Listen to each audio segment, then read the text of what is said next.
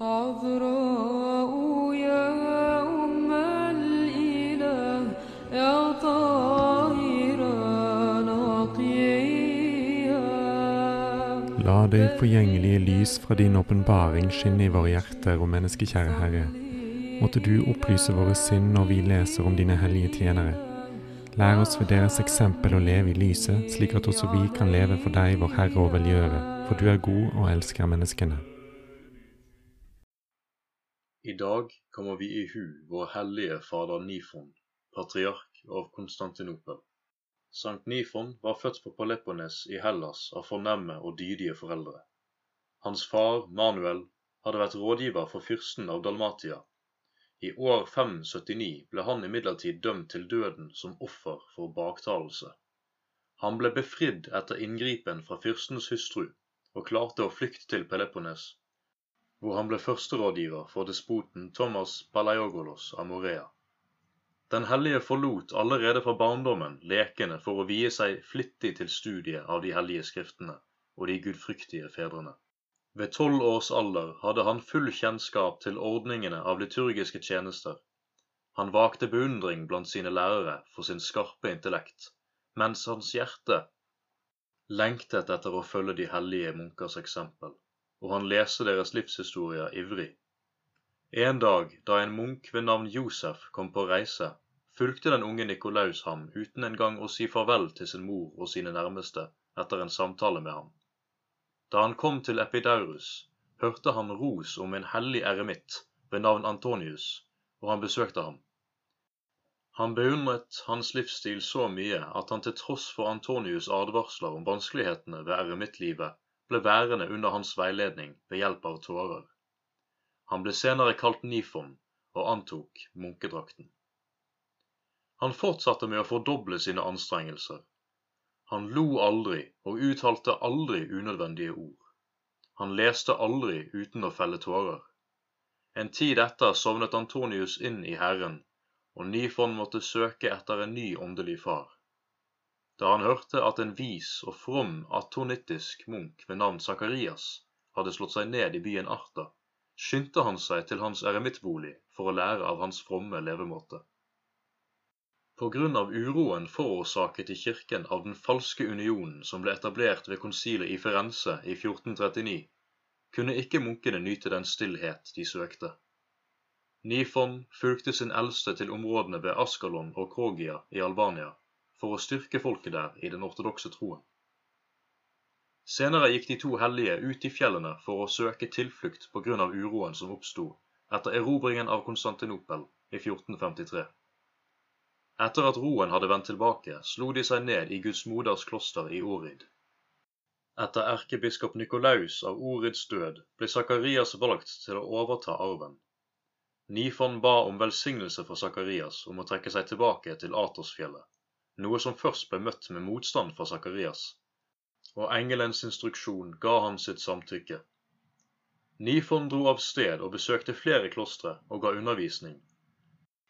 Han var innom Kotlomosi og Pantokato-klostrene, før han tilbrakte tid i en hule sammen med andre asketer.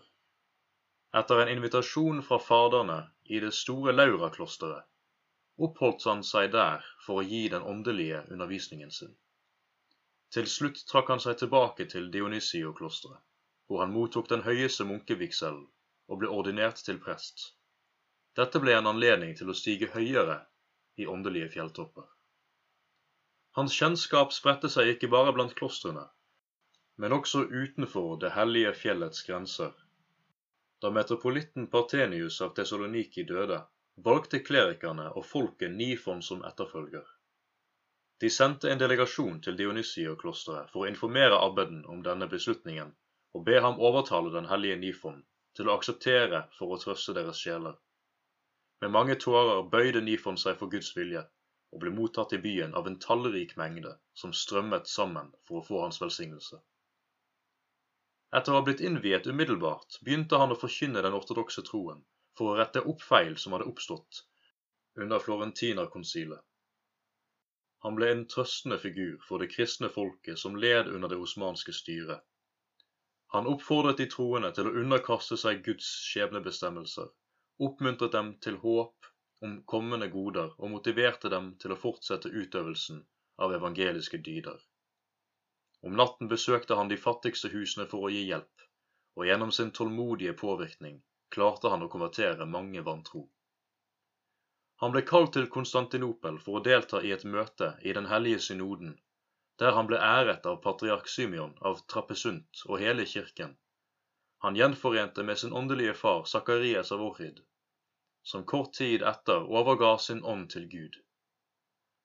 Noen dager senere døde også patriarken, og Sankt Nifon ble straks enstemmig valgt som økumenisk patriark. Som et himmellys på kirkens lysestake kunne hans apostoliske lære fra nå av spre seg vidt og bredt. Til tross for vanskelighetene i disse trelldomstidene gjenfant kirken sin glede for i Sankt Nifon hadde den ortodokse troen funnet en ivrig forsvarer. Men menneskets fiende ble misunnelig på hans fremgang, og nølte ikke med å legge snarer for den hellige prelaten ved hjelp av villedende mennesker. Patriark Symeon hadde etterlatt en rik arv som den tyrkiske stat ønsket å beslaglegge gjennom etterfølgelsesavgifter. Sankt Nifons innsats for å beskytte denne formuen brakte ham regjeringens fiendskap, som førte til beslagleggelse av mange hellige gjenstander og en forfølgelse mot kirken ved å fengsle mange geistlige. Da sultan Bayazet den forsto at patriarken var ansvarlig for denne saken, ble han rasende og avsatte ham i vrede. Han ble jaget fra byen og trakk seg tilbake til forløperens kloster, i Sosopolis i Trakia, der han tilbrakte to år med å be om tilgivelse for sine fiender. Etter det andre patriarkatet til Sankt Dionysius og Maximus den fjerde ble Sankt Nifon kalt tilbake til erkebiskopdømmet i Konstantinopel. Men han fant at kirken var enda mer preget av uro og skandaler. En dag møtte patriarken sultanen og hans følge på gaten. Han hilste på ham, men uten å gi ham den ærbødighet den hovmodige herskeren krevde. Straks ble han igjen avsatt og forvist til Sankt Stefans kirke i Adrianopel med forbud mot å gi undervisning. Dette ble foranlediget av en sendelse til sultanen og voivoden av Valakia, Radu den store, som presenterte seg som ortodoksiens beskytter og fortsatte arven fra de bysantiske herskerne. Han ba ham legge den hellige beseiring under sin landsforvisning, og tilbød ham å bosette seg på den andre siden av Donau for å ta ledelsen av kirken i Hongro-Slovakia. Han skulle forbedre og undervise folket og geistligheten i Guds lov.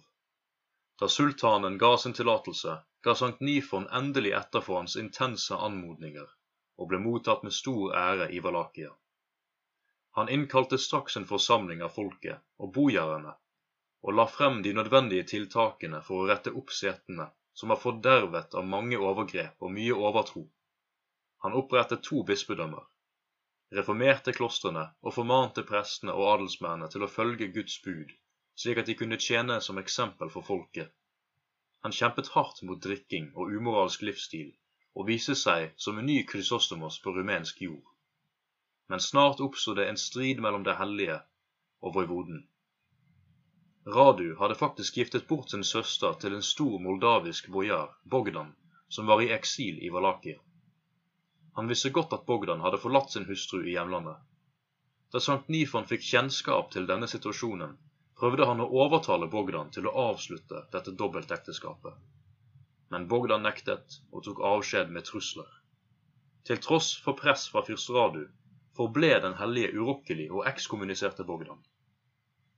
Han forutsa at både Bogdan og Radu ville møte en trist skjebne, og at store ulykker ville ramme Valakia. Deretter jaget Radu den tapre hierarken med forbud mot at noen skulle gi ham gjestefrihet. Men da han fryktet Guds vrede som følge av forbannelsen som var uttalt, kalte han ham tilbake til slottet sitt og, ga, og ba om tilgivelse. Nifon lot seg ikke bøye, og etter å ha velsignet sin åndelige sønn, den unge bojar Neago Basarab, og forutsagt hans tronsbestigelse i Valakia, tok han disiplene sine, Makarius og Josef, med seg. Han reiste til Makedonia, hvor han tilbrakte en tid med å undervise det kristne folket. Da han vendte tilbake til det hellige fjellet, ble han gledelig mottatt av munkene i Vatopedi. men kort tid etter martyriet til hans disippel Makarius i Tessaloniki forlot han på hemmelig vis klosteret for å dukke opp som en ukjent person i Dionysio-klosteret. Han var kledd som en vanlig munk og ba om å bli tatt imot i fellesskapet. I samsvar med klosterets skikk for postulanter ble han tildelt oppgaven som muledriver. En dag mens han passet på dyrene på fjellet, så noen av munkene en flammende ild stige opp mot himmelen. En av dem så den hellige i bønn, helt omsluttet av denne flammende glansen. Han løp inn for å informere klosteret, og munkene samlet seg i kirken for å be Gud avsløre hvem denne mannen var. Da viste Johannes døperen, klosterets skytshelgen, seg for abbeden og ba ham forberede seg på å motta patriarken Nikon fra Konstantinopel. Da Den hellige i sin enkle kledning kom tilbake til klosteret, ventet hele fellesskapet på ham ved porten ved klokkeklang, lys og røkelse for å gi ham den ære som tilkom hans rang. Han falt til jorden med tårer og ba brødrene om tilgivelse for å ha ført dem bak lyset. Han forklarte at det var for hans sjels frelse å finne barmhjertighet på dommens dag, hadde han valgt å handle på denne måten for å unnslippe tom ære og verdslige bekymringer. Ved å være den siste av alle stilte han seg til tjeneste for dem. Senere fortsatte han med å tjene fellesskapet i de mest ydmyke arbeidene. Gjennom sitt eksempel lærte han dem den høyeste dyd, ydmykhet, og gjennom fryktinngytende askese dempet han enhver kjødelig tanke med åndens lov. I mellomtiden oppdaget asketene og munkene på det hellige fjellet at ortodoksiens lysende lam hadde kommet blant dem. Hver Herrens dag og på helligdager ble klosteret fylt av munker som ønsket å motta belæring fra Den hellige. Sankt Nifon skinte i sin undervisning og med sine mirakler. Han nådde en alder av omtrent 110 år. Ettersom han på forhånd hadde kjent sin dødsdag, samlet han alle brødrene og formante dem til å nøye følge de tradisjonelle reglene for det munkelige liv. Etter å ha velsignet dem og bedt om tilgivelse, ba han sin disippel Josef om å skrive ned en absolusjonsbønn beregnet for å bli lest ved brødrenes begravelse for å oppnå tilgivelse for deres synder. Deretter ga han ham tillatelse til å gå og ofre seg i martyriet. Han overga fredelig sin ånd til Herren den 11. august i år 1508 etter å ha deltatt i de hellige mysterier. Etter at Sankt Nifon hadde gått bort, døde fyrsteradu av en fryktelig sykdom, og store ulykker rammet Valakia på grunn av tyranniet som ble utøvet av hans sønn. Nego Basarab som med nød og neppe hadde unngått et mordforsøk, overtok makten etter mange omveltninger og lyktes i å gjenopprette ordenen. For å uttrykke sin takknemlighet mot Den hellige, hvis profeti han så bli virkeliggjort, lot han hans relikvier bli overført til Valakia, hvor de på en underfull måte viste tilgivelsen av Voivodradus synder. Senere sendte han en del av denne dyrebare skatten, plassert i en praktfull relikviebeholder, til Dionysio-klosteret, som han forsynte med rike gaver. Men han beholdt den hellige prelatens hodeskalle og den ene hånden hans, som ble plassert i klosterkirken i Corta de Arges i Romania. Herre Jesus Kristus, hør dine helliges forbønner, og miskunn deg over oss. Amen.